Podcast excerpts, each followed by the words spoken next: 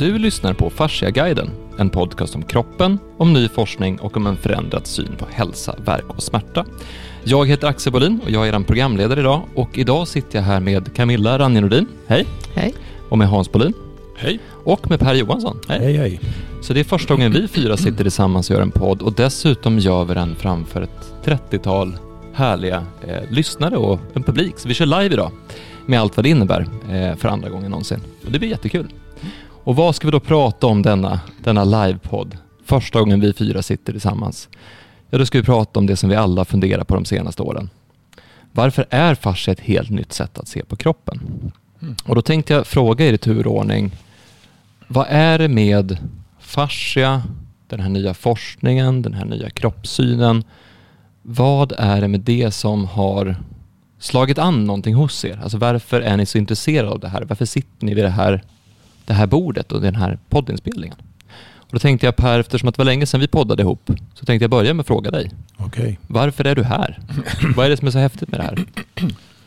Ehm, ja, jag, jag minns ju när det var väl Hans som började prata med mig först om fascia och berätta. Min första, det är några år sedan. Min första reaktion var Mhm. Jaha. Va? Ungefär. Eh, och sen, ja, sen så småningom med tiden så har det ju fyllts på mer och mer eh, kunskap från er till mig kan man väl säga. I hög grad. Det som... Ja, frågan varför är fascia ett helt nytt att se på, sätt att se på kroppen?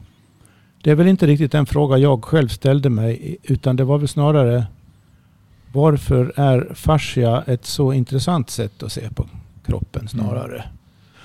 Och som jag nämnde igår så för mig har alla sätt att tänka på helheter som känns som om de har en konkret bas som man alltså kan relatera till även erfarenhetsmässigt på något sätt är, är väldigt intressanta. Det finns ju hur många holistiska filosofier och spekulationer som helst av varierande kvalitet. Men just den här helhetsperspektivet som en någorlunda adekvat förståelse av fascia ger eh, var för mig faktiskt en, en, en ganska viktig aha-upplevelse.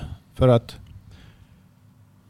jag brukar tänka på vår relation till omgivningen i alla avseenden. Allt från relationer och direkta intryck till vad vi äter och hur vi, på vilket sätt vi som människor ingår i ekosystemet, både naturliga och artificiella. Det, det har jag tänkt mycket på. Och jag har hela tiden haft en, inte bara en stark intuition utan också en övertygelse att det måste finnas en motsvarande in, intern ekologi. Det är någonting i vårt kroppsliga existens som så att säga relatera till den här komplexiteten utanför oss. Men jag har egentligen inte den, den, den filosofi eller tradition som jag väl tycker kommer närmast ett sådant synsätt. Det är egentligen den taoistiska och eh, de mera eh, metafysiska filosofiska aspekterna av det som kallas för traditionell kinesisk medicin. Där man också tänker på helheter utanför och innanför kroppen på ett sätt som faktiskt känns också erfarenhetsmässigt adekvat. Och det där hade jag nosat en del på innan jag kom i kontakt med er och Hans. Och det första som slog mig var att ja, men stämmer inte det här ganska bra överens med vartannat? Eh, och just det här att fascian är ett sömlöst organ som binder ihop allting. Binder ihop hela, hela kroppen eh, och på sätt och vis sköter om viktiga delar av den interna kommunikationen i kroppen. Vad det är som händer mellan olika organ och i olika delar av kroppen. Vad som är upp och ner och eh, tyngdfördelning och tryckfördelning och sånt som ni brukar prata mycket om. Det, det finns, jag kan se en analogi där. Jag vet inte hur långt den, den går. Jag är långt ifrån någon specialist på TCM. Men jag har läst och hört från vänner till, som håller på med det tillräckligt mycket för att se en likhet just i den här helhetssynen. För att definitionen av organ i TCM är väldigt intressant. Om man talar om njurarna där till exempel så menar man inte bara det vi menar med njurarna, identifierbara, dissekerbara organen, njurarna, utan det är en massa andra eh, funktioner och system i kroppen, både psykiska och, och, fysiska så att säga, som man hänger ihop. Hänger ihop. Och det där påminner mig också om, om eh, fascian. Va? Att den, den binder ihop de olika delarna. Var det inte du som sa det igår när vi diskuterade Camilla? Mm. Hur den, eller du föreläste snarare, hur den um, inte bara har koll på vad som händer till exempel i levern, utan hur levern relaterar till andra jo, organ. Mm. Och det är just den analogin tyckte jag var så oerhört slående. Så att det var inte bara, för min del var det inte bara att fascian i sig gav en, en otroligt intressant och på något sätt sammanfattande inblick i hur kroppen som helhet fungerar. Utan det var också det att jag, jag kunde se tillräckligt starka analogier med den här gamla sko, österländska skolan. Eh, så att det är nästan lite grann som en oberoende bekräftelse av vartannat blev det för min del. Utan att jag har, jag har inte gått vidare och analyserat det närmare. Jag har dock läst att det finns faktiskt eh, idéer på, från, eh, vad ska man säga, öppensinnat medicinskt kunnigt håll om att det finns en ganska stor överensstämmelse mellan de här så kallade meridianerna i, i TCM som man använder i akupunktur med hur fascia, viktiga fascia, ja vad ska man kalla det, leder, fascia linjer, linjer mm, går. Fascia stråk. Så jag kan väl inleda med det. Mm. Är jag då som ska säga något. Ja, det, det kändes så. något, något klokt då. Jo, men det, det hänger ihop med, med det jag sa. Du, att eh, egentligen så kan man ju skippa den här känslan av organ. Mm. Utan att det bara är en samling. Vi består av en samling celler som har olika uppgifter. Alla celler har ju från, alltså, egentligen samma genuppsättning. Men beroende på hur de blir styrda och, och, och åt vilket håll de ska gå eller vad de ska göra så, så blir de jag får de olika uppgifter. Olika gener slås på och olika gener slås av. Eh, och sen, sen är det ju då cellerna som trots allt bildar det som är utanför cellerna runt omkring. Och, och som jag sa igår också att från början var det encelliga organismer. Då behövdes ingen fascia. Sen blev det flercelliga organismer. Då måste någonting hålla ordning på alla celler. Hålla kontakt mellan celler. Och, och ja, för att signalera mellan och ge eh, ja, kommunicera säga, mellan, mellan celler. Och samtidigt också hålla, hålla ihop cellerna i olika strukturer. Och så småningom så blev väl det kanske, när det blev fler och fler celler så måste ju det finnas system och vägar, som, mer motorvägar. Jag tänker på syret och blodcirkulationen måste komma snabbare fram än, än bara det här flödet emellan. Och då utvecklades blodkärl och för att få tillräcklig fart på den här syretransporten till cellerna så måste hjärtat till för att liksom jag vet inte, jag bara spånar nu. Ja.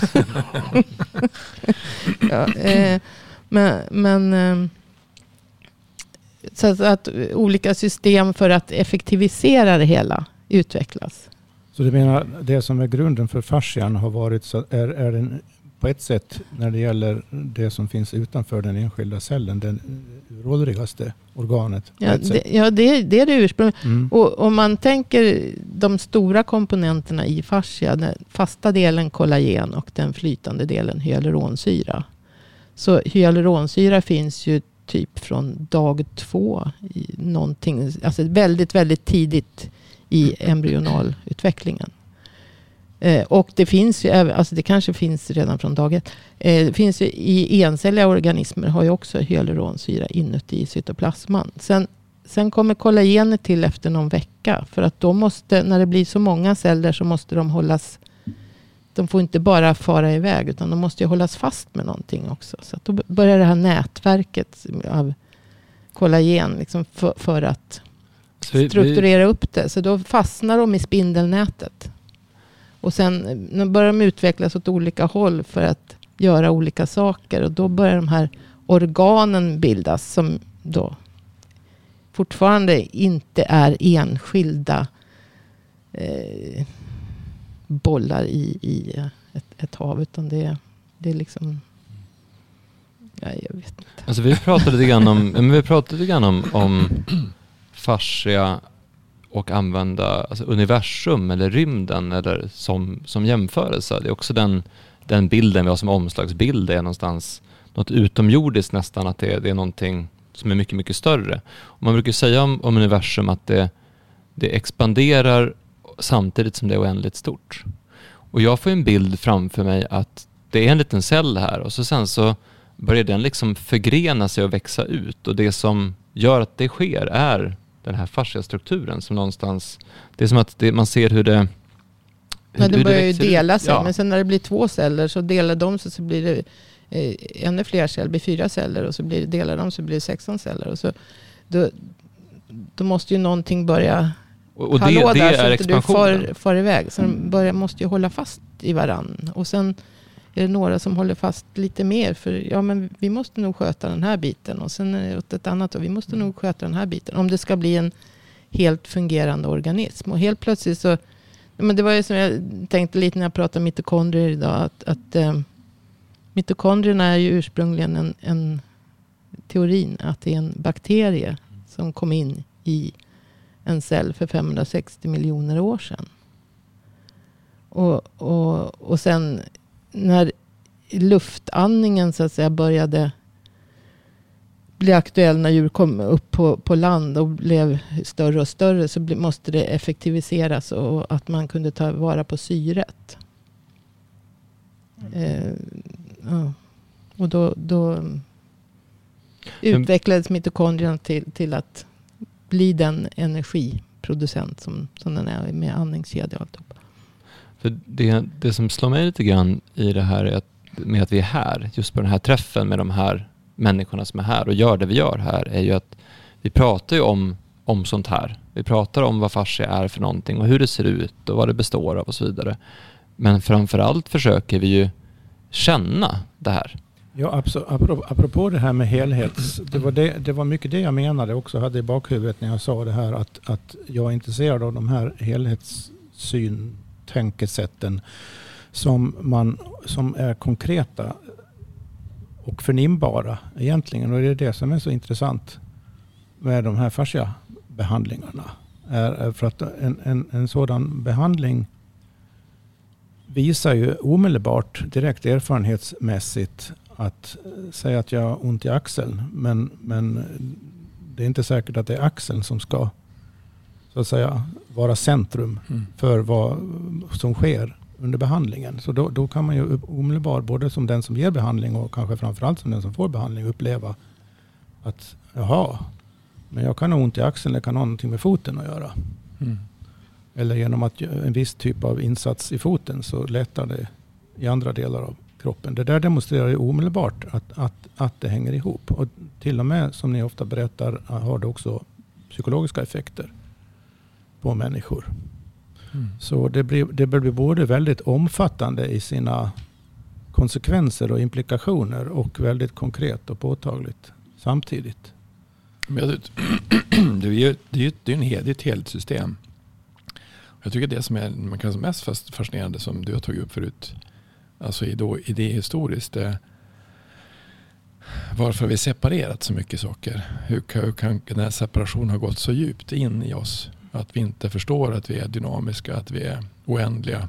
Jag brukar säga det till de flesta som kommer att eh, jag tror att jag, tror att jag har läst det någonstans att vi är helt nya på sju år. Det finns inte någonting som är inte nytt. Ja, cellerna dör ju och byts ut efterhand kontinuerligt. Jag tror att jag, förut sa man att när jag var liten så sa man att man, att man kunde bli av med hjärnceller. Men jag tror de, de, de, de förökar sig de också. De hittar alltid på något sätt att göra andra saker. Eh, så att det, vi är ju ett mirakel. Alltså vi, det är det som vi inte riktigt förstår. Hur mycket vi ombildas hela tiden och hur allting sitter ihop. Eh, det som är lite eh, det som är lite fascinerande om man ser mer ekologiskt på det. Om man tänker på universum eller man tänker på jorden. Så vi har ju nästan samma sak som jorden har. Vi har ett eget magnetfält. Vi har vatten. Eh, vi har, vi, vi, vi, mycket av det som är viktigt i, på jorden det är ju fotosyntesen. Och den har man kommit fram till. Den finns också i kroppen via vattnets fjärde fas. Alltså vi lagrar energi. Och vi är energi. Så på något sätt så mikrokosmos och makrokosmos. Om vi säger att vi är ett helt mikrokosmos men som liknar ganska mycket makrokosmos. Så blir det ju också då kan det vara intressant att förstå varför en del naturfolk kunde se på världen på ett annat sätt. Jag har ju funderat på de som, tänk dig de som satt och tittade på stjärn. Jag kan ju titta på himlen, jag ser inte ett smack, jag ser bara en massa stjärnor där uppe. Men alltså, de tittar ju på dem, de måste ju förstått hur det satt ihop. Alltså att de, vi kanske har kontakt på ett annat sätt med jorden än alltså naturfolk har haft det. Därför att det sitter med, det är samma ekosystem. Alltså vi, är del, i, vi är del i det ekosystem som finns utanför. Eh, och det tycker jag är lite sådana här, enorm tanke. Att vi kanske sitter ihop på ett annat sätt än vi tror. Vi har pratat om, vad säger du Camilla, vagus? Vaguston. Vaguston. Om, omgivningens vaguston. Omgivningen vaguston. och det spelar ju roll med djur. Eh, och vi är väl djur. Typ. Ja, vad, berätta om, om det. Omgivningens vaguston. Det är typ flockdynamiken kan man ju säga. Okay. Alltså, ja. om, om du kommer in i ett rum där det har föregåtts av osämja och dålig stämning så får du direkt en klump i, mm. i det magen. är atmosfären du, man du, känner av. Du känner det ja, direkt. Just det. Eller om du kommer in i ett rum där det, folk är glada och mm. så blir du också glad. Mm. Så att, mm. och vagusnerven eh, ger ju signaler ifrån hela, ja det pratade jag väl om igår också kanske. Men eh, alla organ i princip i, i bukhålan tarm, njurar, binjurar, eh, lever, mag, eh, struphuvud, allt, hjärta, lungor, allting. Det du kallar omgivningens vaguston nu då, det är återigen ett, ett, ett viktigt... Det är ett sätt att konceptualisera, återigen konkret den där till synes icke-konkreta intentioner man har när man som du säger kommer in i ett rum. Mm. Man kan ju känna av, även i byggnader där det inte är något folk kan man känna av den här atmosfären. Det är otroligt många sådana intuitiva förnimmelser vi har och kan ha mycket starkare än vi kanske har många gånger i vardagen. Att, att för mig, om man kombinerar ihop det, man kombinerar ihop det med de andra sakerna vi har nämnt nu. Så jag landar ju i, i den här funderingen är var vad är en kropp? Alltså vad är det kroppen gör egentligen och var går gränsen för kroppen? Om man tänker på andningen så går ju egentligen inte gränsen för kroppen vid luftstrupen och, och egentligen in och utandningen. Utan gränsen för kroppen måste ju inkludera all den luft som går ut och in. Mm. Och som faktiskt sträcker sig ganska långt utanför kroppen. Mm. Och det gäller ju er in och utandnings nu också när vi sitter här mm. runt bordet. Mm. Så vi andas ju varandras luft Exakt. hela tiden. Mm. Och, och det, det sättet att, att, att, tänka, om man, om man liksom sammanfattar det så kan det låta abstrakt. Men om man, om man tänker steg för steg, varje skede i, i, i det hela. Så varje skede är konkret. Men det, det blir så många olika faktorer. Så att när man sammanfattar det i ett begrepp, säg ekologi eller utbyte eller någonting, så låter det abstrakt. Men om man hela tiden kommer ihåg att det har sin grund i sådana ständigt pågående kroppsliga skeenden. Mm. Det, är det, det är exakt det, tror jag, som vi i vår kultur har vant oss av med så att säga och skolats in i. Att mm. inte tänka så. Mm. Därför är det lite intressant med det jag pratade om idag, mitokondriell medicin som är faktiskt på, på framåtgående. Då. Du kan inte berätta det, någonting om det? För jag, ja, jag, jag, hörde inte heller det. Och det kan passa in här nu. Eh, att framförallt inom psykiatrin så har man börjat förstå att och tro att, att många av våra sjukdomar, psykisk ohälsa, ADHD, eh, schizofreni all, beror på någon slags dysfunktion i mitokondrierna. Sen vad det beror på, det kan vara både mitokondrierna har eget DNA som är mer mutationskänsligt än kärn-DNA. Eh, nedärvs också bara via äggcellen. Så det, det kommer bara via mamman. Så, att säga. Men, eh, så det blir ingen omvariation på, på den. Och att man tror att, att det, det funkar väldigt bra i en viss miljö. Men man är inte så anpassningsbar då miljön ändrar sig. Och då börjar mitokondrierna fungera dåligt. Och, och då blir vi sjuka. Eh, för mitokondrierna står ju för all energiproduktion i kroppen. Och de är också väldigt känsliga. De har eh, flera olika enzymsystem. Med en massa subenzymer i varje system. Och varje enzym har ju en gen som så att säga, kodar för det enzymet. Och de enzymerna behöver ju också ha näringsämnen. Så mm. där kommer ju näringsbristen in. Att har vi brist på magnesium, har vi brist på zink, selen eller vad det är så, så fungerar det inte. Det, så gäller det ju även i, på andra ställen i kroppen. I, men, men just mitokondriell medicin då, då, då måste sjukvården börja tänka mer helhet istället för organ. Man delar in läkare, patienter, byggnader i organ. Ja, så är det ju verkligen. Men, men om mitokondrierna inte fungerar så drabbar det inte bara hjärtat, inte bara psyket. In, in, det, det, blir så vitt åtskilda symptom. Och då måste hel, läkarna också ha en, en bredare syn på, eller bredare förståelse för att de här olika symptomen, fast det är helt vitt skilda. Det kan vara hudproblem, det kan vara neurologiska problem, det kan vara muskelproblem, det kan vara hjärtproblem. De är inte bara knutna till en hjärtklinik eller till en hudklinik. Mm. Nej, de är inte ens bara eh, eh, knutna till det. Nej, vi... utan de, de, lä, läkarna måste ha en hel... Allt, alla de här felen som är så vitt skilda kanske bara beror på att mitokondrierna saknar viss näring. Alltså enzymerna inte fungerar som de ska. Eller att det kan ju också vara en, en mutation naturligtvis. Men man inte bara och se på det genetiska utan även liksom miljön runt omkring.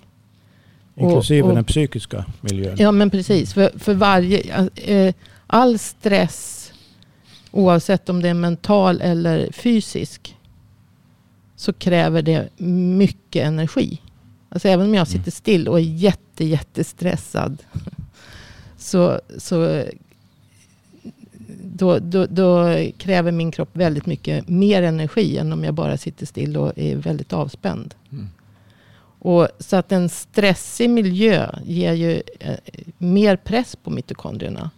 Plus alla våra gifter som Eh, miljögifter. Alltså, mm, så, som också skadar mitokondrierna. Läkemedel skadar mitokondrierna. Många antibiotika är mitokondrieskadande. Eller mitokondrietoxiner. många eh, statiner är mitokondrieskadande. Alltså det, det, det finns så mycket som, som kan skada mitokondrierna. Men framförallt livsstilen, stress och dålig mat. Vi är sponsrade av Fasciaklinikerna. Och Fasciaklinikerna finns därför att jättemånga människor går runt med bland annat ryggvärk och ont i nacken utan att veta att det finns riktigt bra hjälp att få och enkla sätt att hålla sig frisk. Det Fasciaklinikerna har är en riktigt bra behandlingsprocess, en bra kunskap om kroppen, lång erfarenhet av olika typer av besvär, en riktigt bra maskin som eh, behandlar kroppen på ett effektivt och skonsamt sätt och en personal som verkligen brinner för att hjälpa människor. Det häftiga med fasciatekniken är att fasciateknikerna blir bättre och bättre. Behandlingsmetoden utvecklas hela tiden, man håller sig ajour med ny forskning. Alla som jobbar på fasciateknikerna lyssnar regelbundet på Fasciaguiden och funderar på vad innebär att få ha en kropp och hur ser till att kroppen blir så bra som möjligt. Så att om du har ont så är fasciateknikerna för dig. Det är också för dig som vill prestera bättre eller bara må bra i kroppen eller utvecklas med din kropp. Så är du intresserad av att boka behandling så gör du det på fasciateknikerna.se. Vi har ju pratat mycket om att, att det som är speciellt med fascia är att vi inte kan se kroppen som död. som vi har gjort, utan vi måste se den som levande. Och om man tar det här med, det som vi varit inne på nu med, med omgivningens vaguston, med vad är en kropp för någonting, med, med andningen och var slutar det här och var börjar det där och, och så. Så är ju det här ett sätt att försöka förklara livet, alltså det som lever. Alltså om du tänker, mm. det, det, det, blir, för, för det första blir det alltid väldigt stort när man pratar om fascia. Det blir mm. aldrig, vi kan aldrig hålla oss till att prata om en kollagentråd eller en, en, ett flöde. men, men så fort du börjar försöka förklara det som lever så försöker du förklara livet. För jag, jag, jag märkte av det här idag, omgivningens vaguston och att, att ett rum har ett, en påverkan. För jag var ute och, och hämtade kaffe eller gick på toa eller någonting sånt där. Och så kom jag in i det här rummet igen där vi är just nu och det var det hade varit liksom ganska mycket tjo och liv. Och så kom jag in och det var, det var andaktstyst. Det var liksom knäpptyst. Och då satt det eh, 20 stycken personer och höll i varandras ben för att avrasta tryck. Och det var verkligen, alltså det var, det var knäpptyst. Och hela liksom, det fanns ett, en otrolig koncentration, ett allvar, ett fokus och, och någonting. Men det, var, det, det kändes i hela, alltså luften var annorlunda. Och sen gjorde jag en sak som var lite, lite dum. Eh, jag satte på, när jag stängde av eh, projektorn, för jag tänkte att den skulle inte stå på där och visa en blå skärm. Och då såg jag direkt hur folk bara hajade till. Det var, så här, det, det var, alltså det var som att man, man bröt den här... Man kan, man, det är så lätt att komma in och störa någonting som finns där. Mm. Eh, men, men så fort man börjar prata om, om det som är levande så blir det en annan... Det blir ett annat perspektiv, ett annat sätt att se på det. Och jag fick eh, frågan idag, hur, hur känner man det här då? Alltså hur känn, hur ska man, vad ska man känna för någonting? håll här och släpp på tryck och så men, men vad är det man ska känna för någonting? Och då kom jag på att vi måste visa bilden på hur kroppen ser ut inuti. Vi måste mm. visa att hur kroppen bygger om sig hela tiden. Det är det du ska känna. Du ska känna hur kroppen lever. Du ska känna att när du, när du tar på ett ställe så händer det saker på ett annat ställe. När du gör en rätt rörelse, om du, om du lätt, lätt eh, rör eller flyttar eller, eller rör på en del av huden då händer det någonting någon annanstans i kroppen. Och att få den här upplevelsen av att ja, men, jag sitter ju ihop. Jag är, jag är ju en, en kropp. Vad häftigt det är. På samma sätt som när du säger att vi, att vi egentligen, just nu andas vi samma luft, så vi är en del av varandra. Det är ju en, det är en ganska häftig tanke, alltså hur mycket vi sitter ihop. Ja, det är inte bara att vi samlas, andas samma luft, vi byter ju luft med varandra. Ja. Så den luften som var inne i dina lungor nyss, den är liksom inne i mina lungor nu. Det är, det är ganska intimt. Ja. väldigt, väldigt. Rätt nära.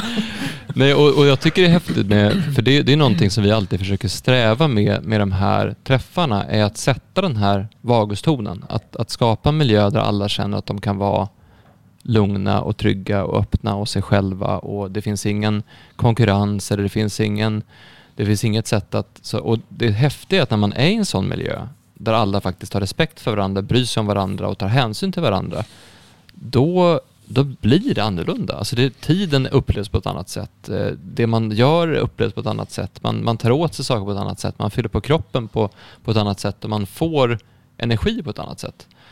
Och det är ju, det här är ju inte det här är inte flum-flum, utan det här är ju faktiskt, det går att förklara exakt vad det är som händer mm. i kroppen när det här sker. Det går att förklara vad det är vi gör så, så det här är ju ett sätt att... Men det är intressant vad, vad förklaringen som du kallar det grundar sig på. Den grundar sig på att man känner av det där. Att man förnimmer det där. Förståelsen mm. sitter också i kroppen.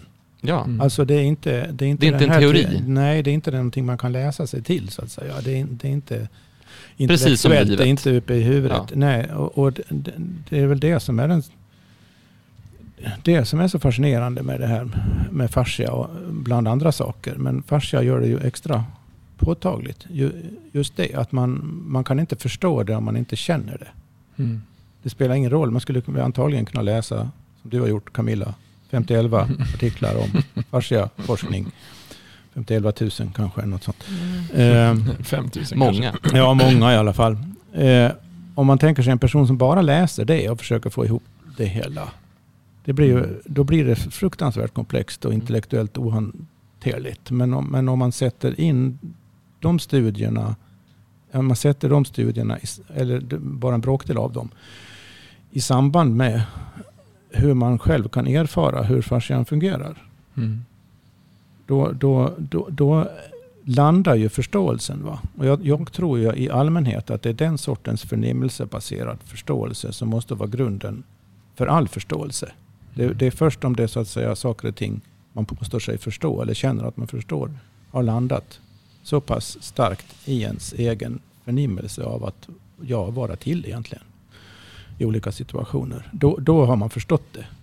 Så att eh, jag är väldigt eh, Men du fick vara med nu. skeptisk mot, jag vet inte, oroad av, irriterad på den här överbetoningen av den intellektuella kunskapen som jag anser också vara väldigt värdefull. Mm. Men, men det måste användas på rätt sätt. Eh, felet man ofta gör i vår kultur det är att man säger att det är bara om du förstår det intellektuellt, det är bara om du kan visa papper på det ungefär. Det är publicerat i någon vetenskaplig tidskrift, då är det giltig kunskap. Det undervärderar ju totalt den där kroppsliga erfarenhetsmässiga förankringen som jag menar all kunskap egentligen måste ha för att förtjäna namnet. Är då, Och då kan man riktigt. också, och, och Mm. det har med helhetssynen och fascia som helhet att göra. För att ens förnimmelse, om man, ju mer uppmärksam man blir på det och van vid att uppmärksamma det, Mm. desto tydligare förstår man i betydelsen erfarenhetsmässigt upplever just helheten och komplexiteten. Det, det, det, det får man omedelbart till sig. Ta bara en sån sak som ditt exempel här att komma in i rummet tidigare idag. Det är en, om man skulle analysera den intellektuellt, den erfarenheten, det blir fruktansvärt komplex. Jag menar hur många variabler finns det egentligen? Det skulle vara helt omöjligt att få in det i huvudet. Men du, du förnamnde direkt alltihopa, Mm. helheten. Så på det sättet så kan man förstå helheter. Det som du Om var- inte lätt, så åtminstone det är fullt möjligt att göra det. Mm. Det som verkar komplicerat, ohanterligt, intellektuellt, det kan man förstå genom att vara med om det. Det som du var med om idag, som Axel beskrev när vi satt och gjorde den här tryckavlastningen, det var ju jag tycker det var rätt intressant för jag har aldrig varit med om det själv. Alltså, Nej, just det. Jag har aldrig fått behandling själv och sen när du gjorde det så, så såg du hur mycket mer du kände än jag kände. Ja, det var Och det var faktiskt rätt, jaha. Ni måste så? berätta mer om vad som hände, Ja. för vi var ju inte där. Berätta du vad det vad rörde sig om Hans. Nej, men vi skulle, vi, skulle, vi skulle försöka demonstrera om man, om man, ehm, om man avlastar tryck på ett ben. Alltså håller i benet väldigt löst, det fick du göra också. Och så sen så, då börjar benet röra sig. Alltså Mm. det, det händer. Och, och ser man då, för det satt vi samtidigt hade filmen på Gimbert, alltså Gimbert Taws film om, om levande fascia, hur det egentligen ser ut. Då var det ännu lättare att förstå Mm, att det kunde mm. röra på sig. Men det, var, det luriga var att du kände ju att det hände någonting, men jag kände ju ingenting. Ja, det var väldigt intressant för man kände ju om benet rörde sig knappt alls. Om jag skulle fokuserat på benets rörelser så hade jag inte lagt märke till nästan någon rörelse alls. Nej. Däremot så kändes det väldigt tydligt hur det plötsligt knäppte i knät. Mm. Ja. Och, och ett tag senare så kändes det väldigt tydligt hur det började lösna. Jag höll ju inte alls i höfttrakten. Nej. Men det kändes ändå tydligt i, i knätrakten så att Ja. säga att det lossnade i höften. Och, och det kände inte du. Nej. Nej, men det, det märkte... Alltså, ja, så, apropå förnimma, det, det är en väldigt enkel men Men, tydlig men det, som illustration. jag, det som jag tänkte när det var där, för det, det, det, det såg ju, för du har aldrig gjort det förut, hur mycket Nej. du kände och fast du inte har gjort det. Ja, det var helt Och då, fascinerande tänk, då faktiskt. tänkte jag kanske, det kanske är så att för, eftersom vi kanske känner mycket mer av andra än vi egentligen förstår. Ja, men det var det jag menade nyss. Ja. Precis. Alltså vi kanske tar in helt andra saker som... Och då tänkte jag, tänk, tänkte om det är så att... för jag, jag brukar ofta säga att, att, eh, att någonstans har vi slutat vara oss själva. Alltså egentligen är vi... Tänk, att, tänk om min kropp, du sa vad är min kropp för någonting? Tänk om Hans det är som en liten tvåårig pojke som är så här, ah, går runt och helt öppen. Men sen den andra Hans som jag är, han har stängt ner en massa saker. Därför att jag har gjort det. För jag är van att jag har blivit, Hans, du, min pappa sa, du, känn inte efter så mycket nu. Hör du, bit ihop nu och gör så. Eller vad man säger, vad, vad man gjorde för någonting. Eller mamma sa, var inte så känslig nu, vad håller du på med för någonting? Det har man ju så fått lärt sig sen man bara, vad du hittar på mycket Hans. Vad du, du har ju för livlig fantasi. Det kanske jag har. men, men det kanske är så att den, det här kanske finns hos alla. Det du pratar om ande. Alltså där man egentligen är. Men man har stängt av det. Men man håller det när man tar i någon och börjar känna saker och ting. Då känner man den andra så jag kan, alltså när, jag, när jag tar i dig så känner jag den lilla Per, alltså den som är öppen. Eller jag behandlar någon. Och därför, det som jag var fascinerad över var att hur lite jag kände av mig själv och hur mycket du kände av... Det, det, har jag aldrig tänkt på. Att, man, att, man, att vi kan förnimma så mycket saker och det går så fruktansvärt fort. Eh, och det kanske är så. Det, varför, har vi, varför är vi tränade att inte, att inte träna eller varför vi tränar oss att, att göra så. Vad är det som har gjort, fått oss att stänga av? Eh, vad är det som fått oss att inte förstå att vi är dynamiska, att vi, allting sitter ihop? Det tycker jag är lite fascinerande. Och där kommer ju fascia som, som perspektiv in. Att allting sitter ihop. Det finns, vad säger du Camilla? Det finns bara det som är utanför cellen och så finns ja, det. finns bara celler och den extra cellulära matrisen. Eller det, det, bara, eller det är bara celler och det som är utanför cellen. Och då blir det ju då blir det nästan så. Det är 50 triljarder celler som är ute och går. Som rör sig. Och allting lever. Allting kommunicerar samtidigt. Eh, och sen har vi lärt oss att stänga av vissa saker. Men egentligen är vi som en enda stor eh, känselfigur som går runt och gör saker och ting och förnimmer och gör saker och ting och förnimmer och gör saker och ting. Både inuti och utanpå. Mm. Och det här kanske vi inte har kunnat förklara förut. Men men, men kinesisk medicin har kunnat göra det. Eh, shamaner har kunnat göra det. Alltså, de andra som har varit med, de har, de har för, förklarat saker och ting på ja, ett annat det, sätt. Det speciella och intressanta med de här gamla traditionerna det är ju att de, de är ju grundad, det, den sortens vetenskap är bokstavligen grundad på förnimmelser. De som har utvecklat de här systemen, kartlagt de här meridianerna, kommit på hur det de klassificerar som njurfunktion eller lungfunktion eller vad det är någonting är utspridd på alla möjliga ställen i kroppen. Det har ju de kommit fram till rent förnimmelse erfarenhetsmässigt och gjort upp sina kartor och sin förståelse på den grunden. Så har det ju inte gått till då i då modern västerländsk medicin. Utan där har man ju tittat på kroppen som ett objekt utanför sig själv och som regel på döda kroppar. Och när man dissekerar en kropp så ser man ju tydligt hur, ja men där är ju lungorna, där är ju levern och så vidare. Men det rör sig och så har man, och så har man byggt, och, och, där, är, där är lite mellanrum och det är någon bindväv och ja, det ska man inte bry sig om. Och, och så var det ju länge. Um, själva det som jag tror man ska uppmärksamma för att förstå poängen med den här jämförelsen. Det är just det att det, man, det som räknas som kunskap har en sån olikartad utgångspunkt. Mm.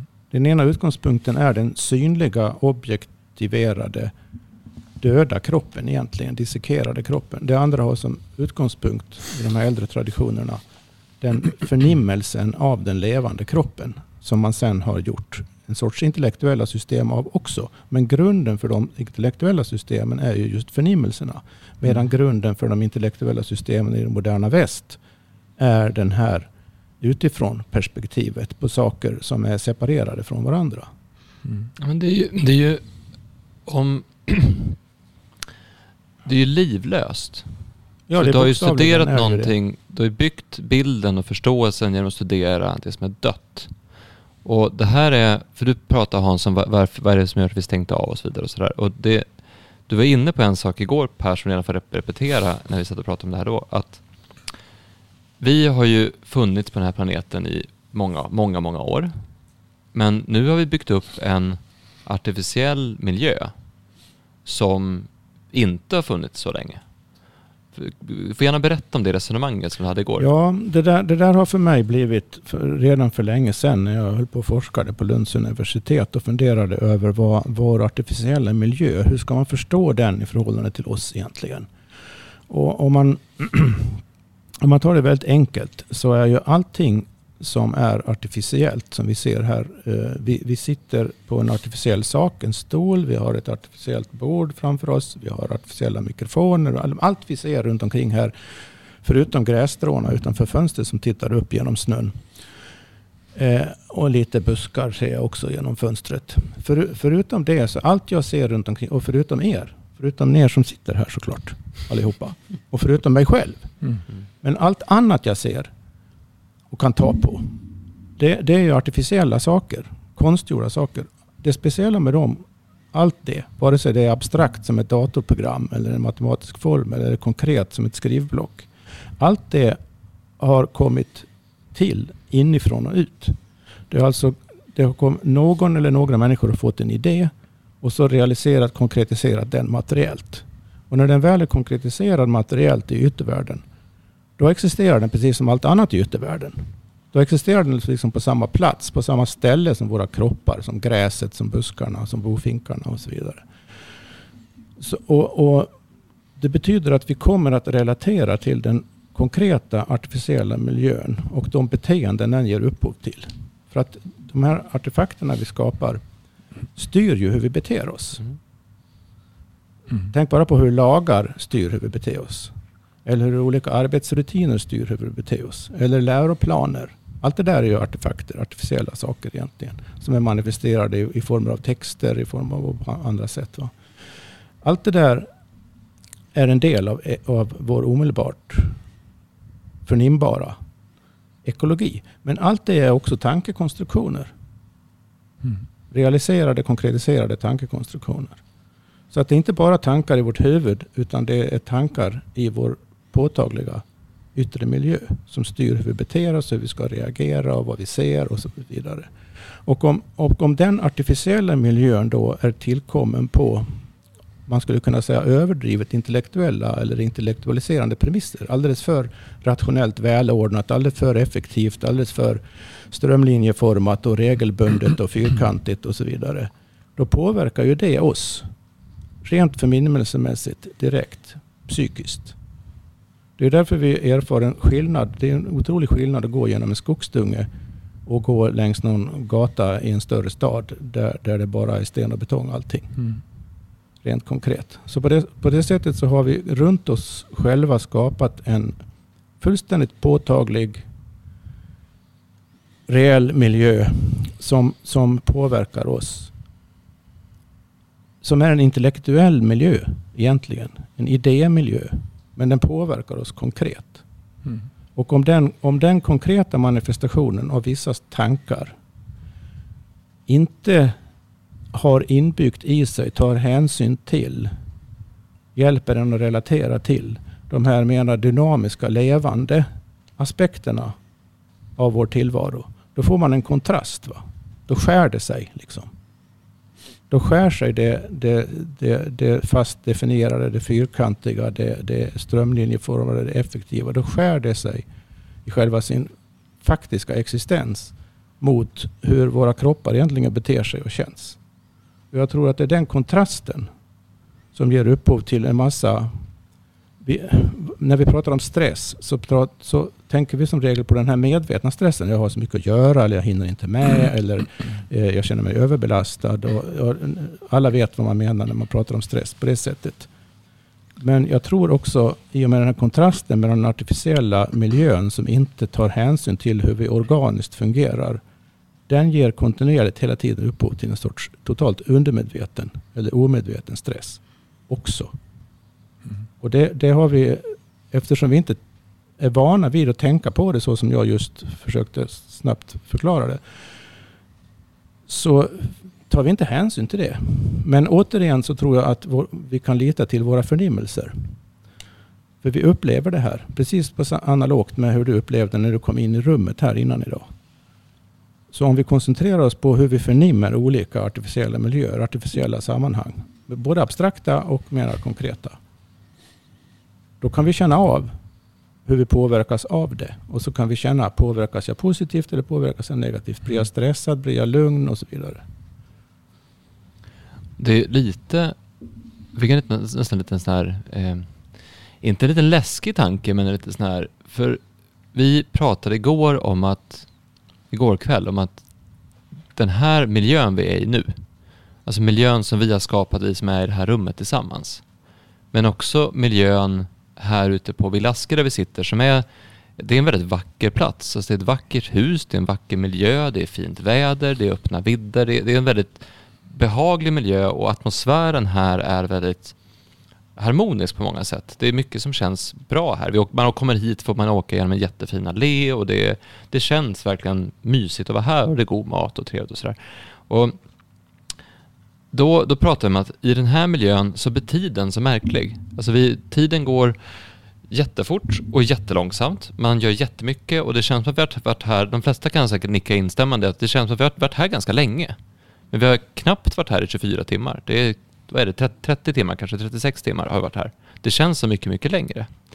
Och den upplevelsen får jag också när jag åker ut i skärgården, vilket jag har gjort mycket de senaste två åren. Att är man ute i skärgården, det räcker med en natt eller två nätter, så känns det som att man borta länge. Den läskiga tanken då är, tänk om det är så det egentligen är? Ja. Tänk om det är så det egentligen är, att, att tid upplevs. Tänk om det egentligen är så att livet är i det tempot, med den energin, med den, den känslan av att, att det känns längre och mer fridfullt och harmoniskt. Och så kommer man tillbaka istället till det här andra. Alltså tänk om vi har byggt upp en miljö som rent utav är, är stress. Alltså det, den, är, den är skadlig för oss. Alltså inte skadlig som ja men du blir sjuk eller skadlig som att sådär, utan den är kanske direkt nedbrytande. Ja, det finns en grundläggande estetisk eh, dimension här. Om man tänker på estetik på, också på det här konkreta sättet som jag förespråkar. För eh, ordet estetik kommer ju från ett grekiskt ord som är aesthesis. Som betyder just i princip förnimmelse.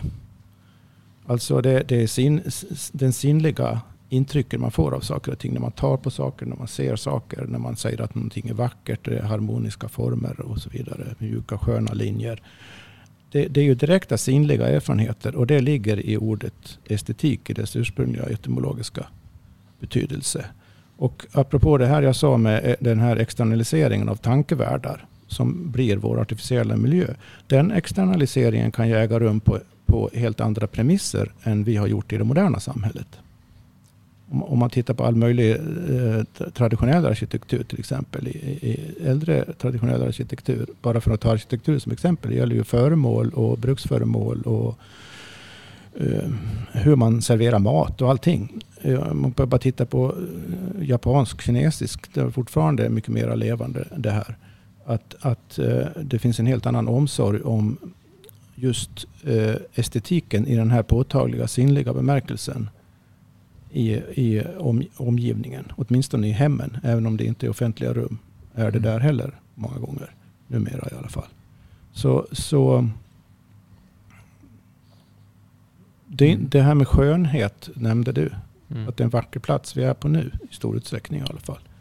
Det, det, det är inte någon, någon sorts extra lullull, utan det är själva essensen av den miljö, de tankar vi, vi, någon har velat manifestera. Och det är bara att se sig omkring då i en modern stad så är det ju någon, en helt annan mentalitet som är manifesterad. Och det här måste påverka oss psykiskt, fysiskt mm. på massor av sätt. Jag är säker på att det är relaterat till fascia, spänningar och sånt där som sprider sig. Mm. Och mycket av det där kan vi inte komma ifrån. Men om, för att jag menar, vi lever som vi lever och bor som vi gör. Så att vi kan liksom inte isolera oss från den här emellanåt närmast fientliga miljön helt och hållet. De flesta kan, kan inte det. Men vi kan bli medvetna om det.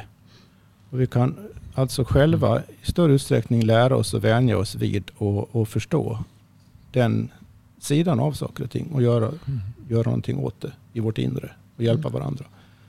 De, de flesta blir ju väldigt mycket lugnare av att gå ut i naturen. Mm. Och mm. Sådana här gamla hus. Som jag mår mycket bättre i gamla hus än i nybyggda hus. Jag, jag, jag, kan inte säga vad det är. Jag blir jättestressad när jag åker in till storstan överhuvudtaget. Ja, men, de, men, men de, gamla de, hus inne i Stockholm mår jag bättre i än nybyggda hus inne i Stockholm. Mm. Det har inte bara med, med folk och så heller. Alltså hur mycket folk det är. Men ja, tempot är ju helt annorlunda. Men, men Nej, de, alltså, de flesta är nog överens på, med dig. Ja, alltså. på, tempot på, på landet. Jag, jag, vet inte, men jag inbillar mig att folk på landet, de, de mår bättre. Så finns det en attityd då som säger att ja, men nu är det bara en romantiker. Nej, Camilla. nej, nej. nej. Och, och det, det får man nog vara lite skeptisk till och vaksam mot det där när någon sätter sådana etiketter på saker och ting som, som man kanske inte ska förneka egentligen. Jag tror precis på samma sätt som vi pratade om. Alltså, eh, man kan ju förflytta sig ganska fort till ett ställe där det är mindre. Alltså vi kan ju förflytta oss i tanken till ett annat ställe. Eh, jag hade en kille som kom till mig för jättelänge sedan. Som hade var, han, var, han mådde inget bra. Han hade, och gick på såna här antidepressiva och han mådde riktigt illa. Han kom via en specialistmottagning till oss. Eh, och då så han var kanske som givare 25-26 år gammal. Och eh, läste då heltid på universitetet. Sen var han sakkunnig åt eh, ett parti som håller på mycket med miljö. Han var sakkunnig i det. Han var specialist i miljö för det bolag som, eh, partiet som höll på mycket med miljö. Så läste heltid och då jobbade det partiet heltid. Eh, så att hans stressnivå var ju så fruktansvärt hög. Han var ju totalt, han, var ju utanpå. Det var ju allting snurrade i huvudet på honom.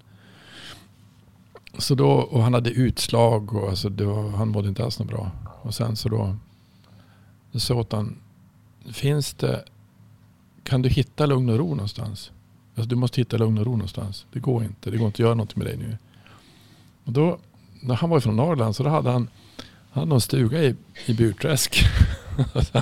men ja, då var det i Burträsk nyligen. Det var ett tag sedan jag var där. Men du, var, var, var brukar du gå? Brukar du gå på bryggan när du är i Burträsk? Ja. Jag lägger mig på bryggan och tittar upp, tittar upp och så blir jag lugn. Det tycker jag är skönt. Ja men gör det då, så jag. Vadå? Jag kan, ja men du åk till Burträsk nu. Nej jag kan inte. Lägg dig ner, så jag. Far till Burträsk. Ja det funkar sa han. Det är mycket lugnare nu. det mycket lugnare nu. Så att jag tror att egentligen, min pappa han sa så att ibland, han, han, var, han var rektor så han hade han hade mycket folk anställda och så. så hade han, men, men om ni kommer ihåg på skolor så fanns det en sån röd knapp. Då hade man eh, konferens. Man kunde, fick inte gå in där. Så jag kommer inte ihåg det. Nej, men man hade så i alla fall. Men, men de, de som är lite äldre kommer ihåg att det fanns sådana på, på rektorsexpeditionen. Så jag sket ju det. Alltså, jag, men då han, hade ju, han hade alltid nästan rödskylt på sig. Och så satt han, gick in och, och så, hej pappa vad gör du? Så satt han och rökte. med, med, med benen, alltså benen och så upp och satt på en soffa och rökte. Vad gör du? Och egen konferens sa han. Varför då? Man måste ha det ibland. ja. så, så det kanske... Och då hade jag, så hur ska jag då? Sätta in egen konferens, det är bra sa han. Boka upp egen tid. Och det, och det är ett sätt att ibland kanske man måste fara till Burträsk. Eller, alltså i sinnet, boka eller boka egen konferens. För att det är så rörigt. Och på samma sätt som, som, som du säger att idéer skapar hus och idéer skapar saker och ting. Men hur mycket idéer skapar saker och ting hos oss? Alltså, om det är sant att det som det här bordet och husen och allt det artificiella att det, om det är sant att vi har skapat fysiska saker via idéer, ja. då måste det vara sant i kroppen också. Ja, och det, och det var det, det som... Det, det blir väl så? Ja, ja. ja. Det är egentligen bara en skillnad på manifestationsform. Det kan ja. manifesteras i sinnet som, som någonting man föreställer sig och det kan manifesteras i, i yttervärlden. Det är ju otro, mycket mer tidskrävande och jobbigt och besvärligt att manifestera saker i yttervärlden. Det går ju lättare i, i inre världen men det är ju i grund och botten sam, delar av samma skeende egentligen, typ av skeende. Så bordet är beviset på att trauma fastar i kroppen? Kan vi säga så? Ja, det är ganska många led i den slutledningen. Just den på en gång. Nej, jag, jag, tänkte på det, för det är som, eh, jag, jag vet inte hur, hur länge till vi ska köra, men en liten stund till ska vi köra. Eh, eh, jag vill bara prata lite grann om det här med avsikt. Därför att det är också något som har kommit upp nu under de här dagarna. Så vilken, vilken avsikt har man bakom tanken eller idén eller skapandet? Alltså är det skapat för att vara vackert? Är det skapat för att vara billigt? Är det skapat för att vara någonting vi mår bra av? Eller är det skapat för... för och det gäller även våra egna tankar och idéer. Alltså det, börjar, det börjar väldigt, väldigt tidigt. Vad är din avsikt? Vad, vad vill du för någonting? Vad vill du åstadkomma? Och det är där jag tror man kan gå vilse och kasta sig själv åt fel håll. För vi, eh, vi kan ju ha vi kan ha tankar och idéer som gör att vi gör konstiga saker. Alltså. Mm. Alltså vi, vi, tar, vi, gör, vi tar dum, dumma beslut. Alltså beslut som är dumma för, för mig.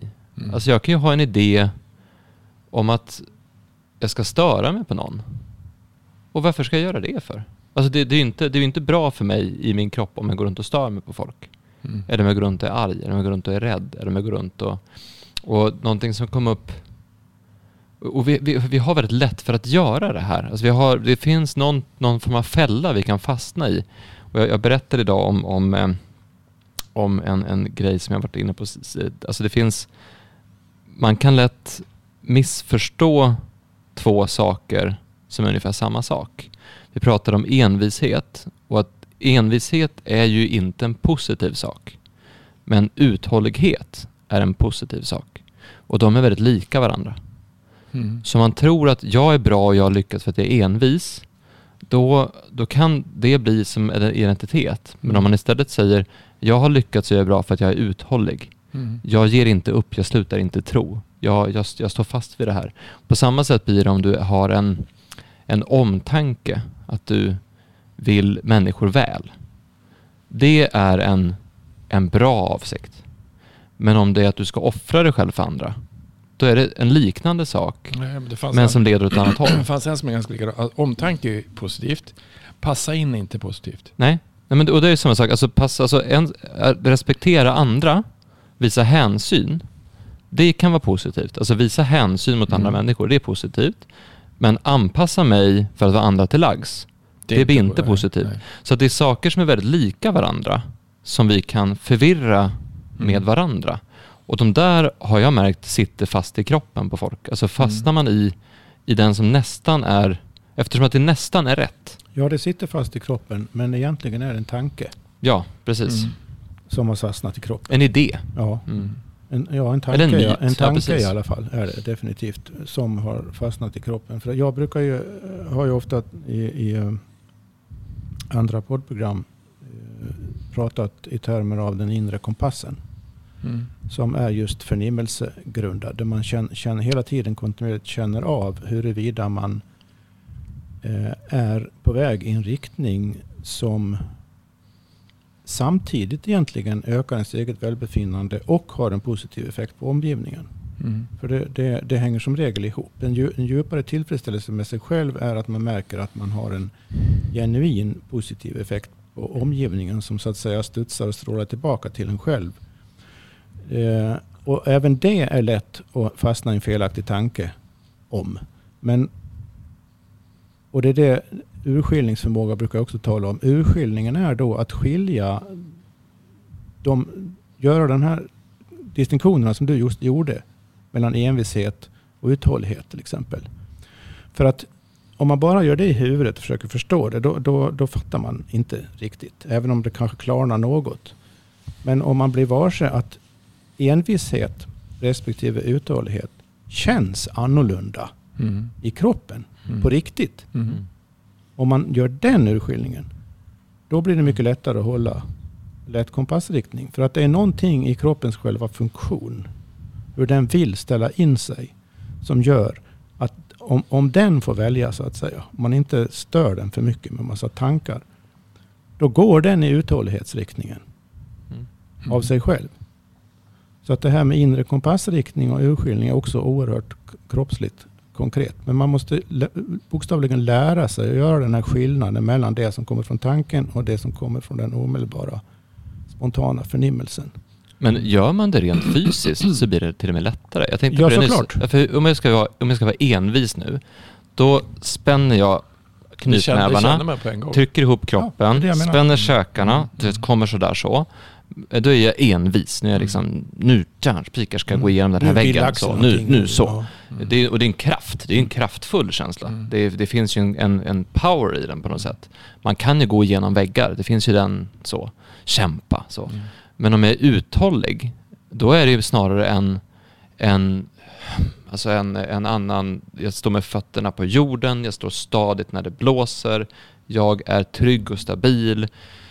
Jag, jag, jag spänner mig inte men jag låter armarna sjunka ner, jag lyfter fram bröstet och jag får en annan typ av Du ser mer ut kraft. som en fasciaspecialist nu tycker jag. Precis. Nej, men, och och då, då kan vi faktiskt, alltså, man kan faktiskt använda det som en lek. Att man nu, nu ska jag leka vilken känsla det här är. Hur, hur, hur överdriva den här känslan och så känner man, känns det här bra eller inte? Mm. Känns det bra i min kropp om jag spänner mig så här? Mm. Det gör det ju faktiskt inte. Känns det bra i min kropp om jag står stabilt med båda fötterna på jorden och känner mig hållfast och trygg?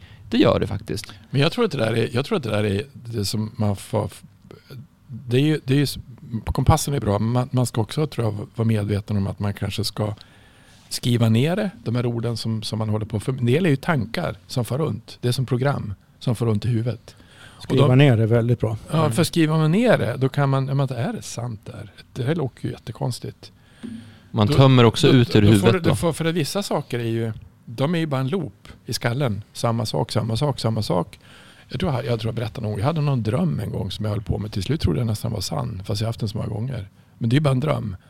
Så hur mycket sådana här tankar har vi som far runt som vi kanske skulle skriva ner? Ja, jag är inte speciellt duktig på någonting. Jag tycker jag är ganska dålig. Ser inte bra ut jag är inte heller. Gammal börjar bli och så. Det blir inte så roligt om man säger så. Men det, det, det är många sådana här idéer som folk har som man träffar om sig själva. Att jag är sån och sån och sån. Var har du fått det ifrån? Alltså, jag säger alla som kommer så att alla är perfekta. Jag är lite för, då säger de, jag är lite för, jag är lite för mycket vikt nu. Nej, det tror jag inte. Så jag tror att du har lika många celler som du behöver.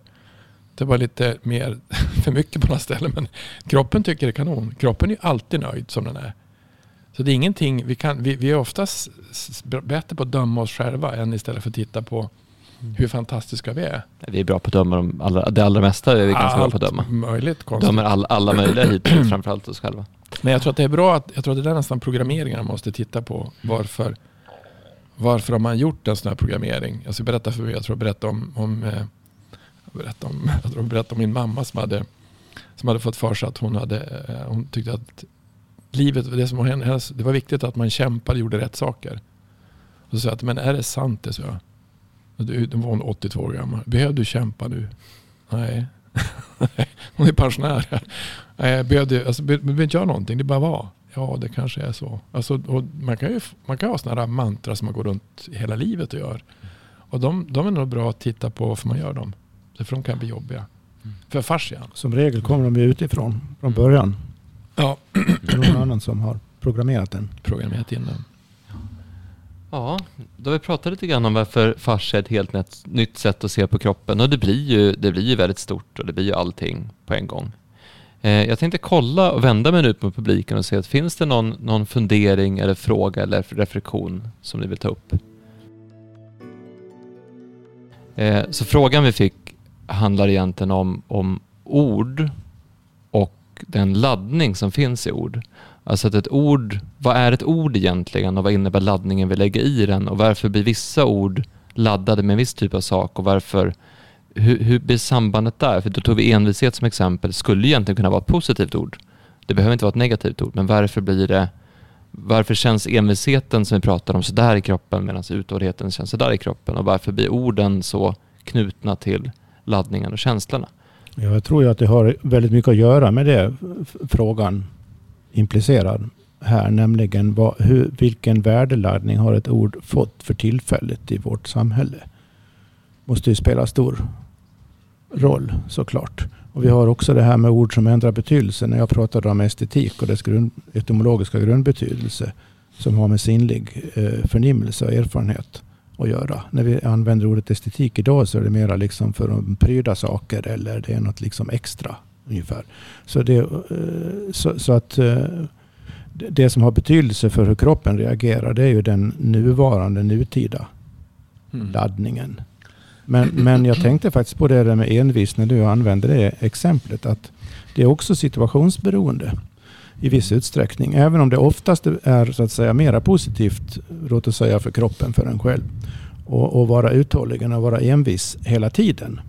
Så kan det i vissa situationer vara extremt motiverat att man faktiskt är jäkligt envis. Att man alltså har ett starkt envist ego i en specifik situation för att avstyra någonting som skulle kunna bli alldeles tokigt. Så, så eh, det gäller att, återigen att inte intellektualisera på fel sätt här nu och börja dela upp saker i antingen eller. För då Mm. blir det fel i alla fall. Men jag tror en annan sak som är med, som jag tror att eh, mer om fascia är dynamiskt och vi, ändras hela tiden och allting förändras. Så jag tror att vissa sådana ord som finns eller beteenden som man har. Eh, jag brukar säga att kroppen är less på dem. Alltså om vi tar, vi tar jag brukar säga att det, det, om man säger att jag är på ett speciellt sätt. Och så gör jag bara det. Alltså jag, jag, jag, jag drar ett, ett kort som finns, jag är envis och så kör jag bara det. Den enda filmrulle jag har då i kroppen, det är envist. Alltså jag ser bara på ett speciellt sätt. Till slut så finns det inga nya upptäckter jag kan göra. Alltså, kan du, har du, alltså, kan du göra någon mer variant på envishet? Alltså, till slut har man gjort allt som går. Det finns inget nytt att göra i den filmrullen. Och det är nästan som, jag såg den där eh, Rain Man, han som de här autistiska människorna. De, de, ser ju, de har ju svårt att vara i ett, e, ett nytt samhälle, alltså ett samhälle för att de har ingenting som är rutin. Utan allting är nytt. Egentligen så, det tänker inte vi på, men vi, vi, den här dagen som har varit nu kommer vi aldrig vara med om någon fler gång. Varken ekologiskt, dynamiskt, det kommer aldrig vara någon, aldrig. Det som är nu är precis nu. Och vi har för svårt att förstå det. Att det är, vi har bara en, en dag i taget. En minut i taget. En sekund i taget. Och den ska vi ta tillvara på på största möjliga sätt. Om man då kör på ett, alltså en enda sätt att ta sig an den verklighet som finns det, det, är inte, det, kan inte riktigt, det kan inte vara riktigt rätt. Om jag är här som är, om jag, det har aldrig funnits någon som, alla ni som sitter är helt unika, det vet ni om. Ni har helt unikt DNA, ni, helt, ni, helt, ni ser helt unika utanpå och inuti.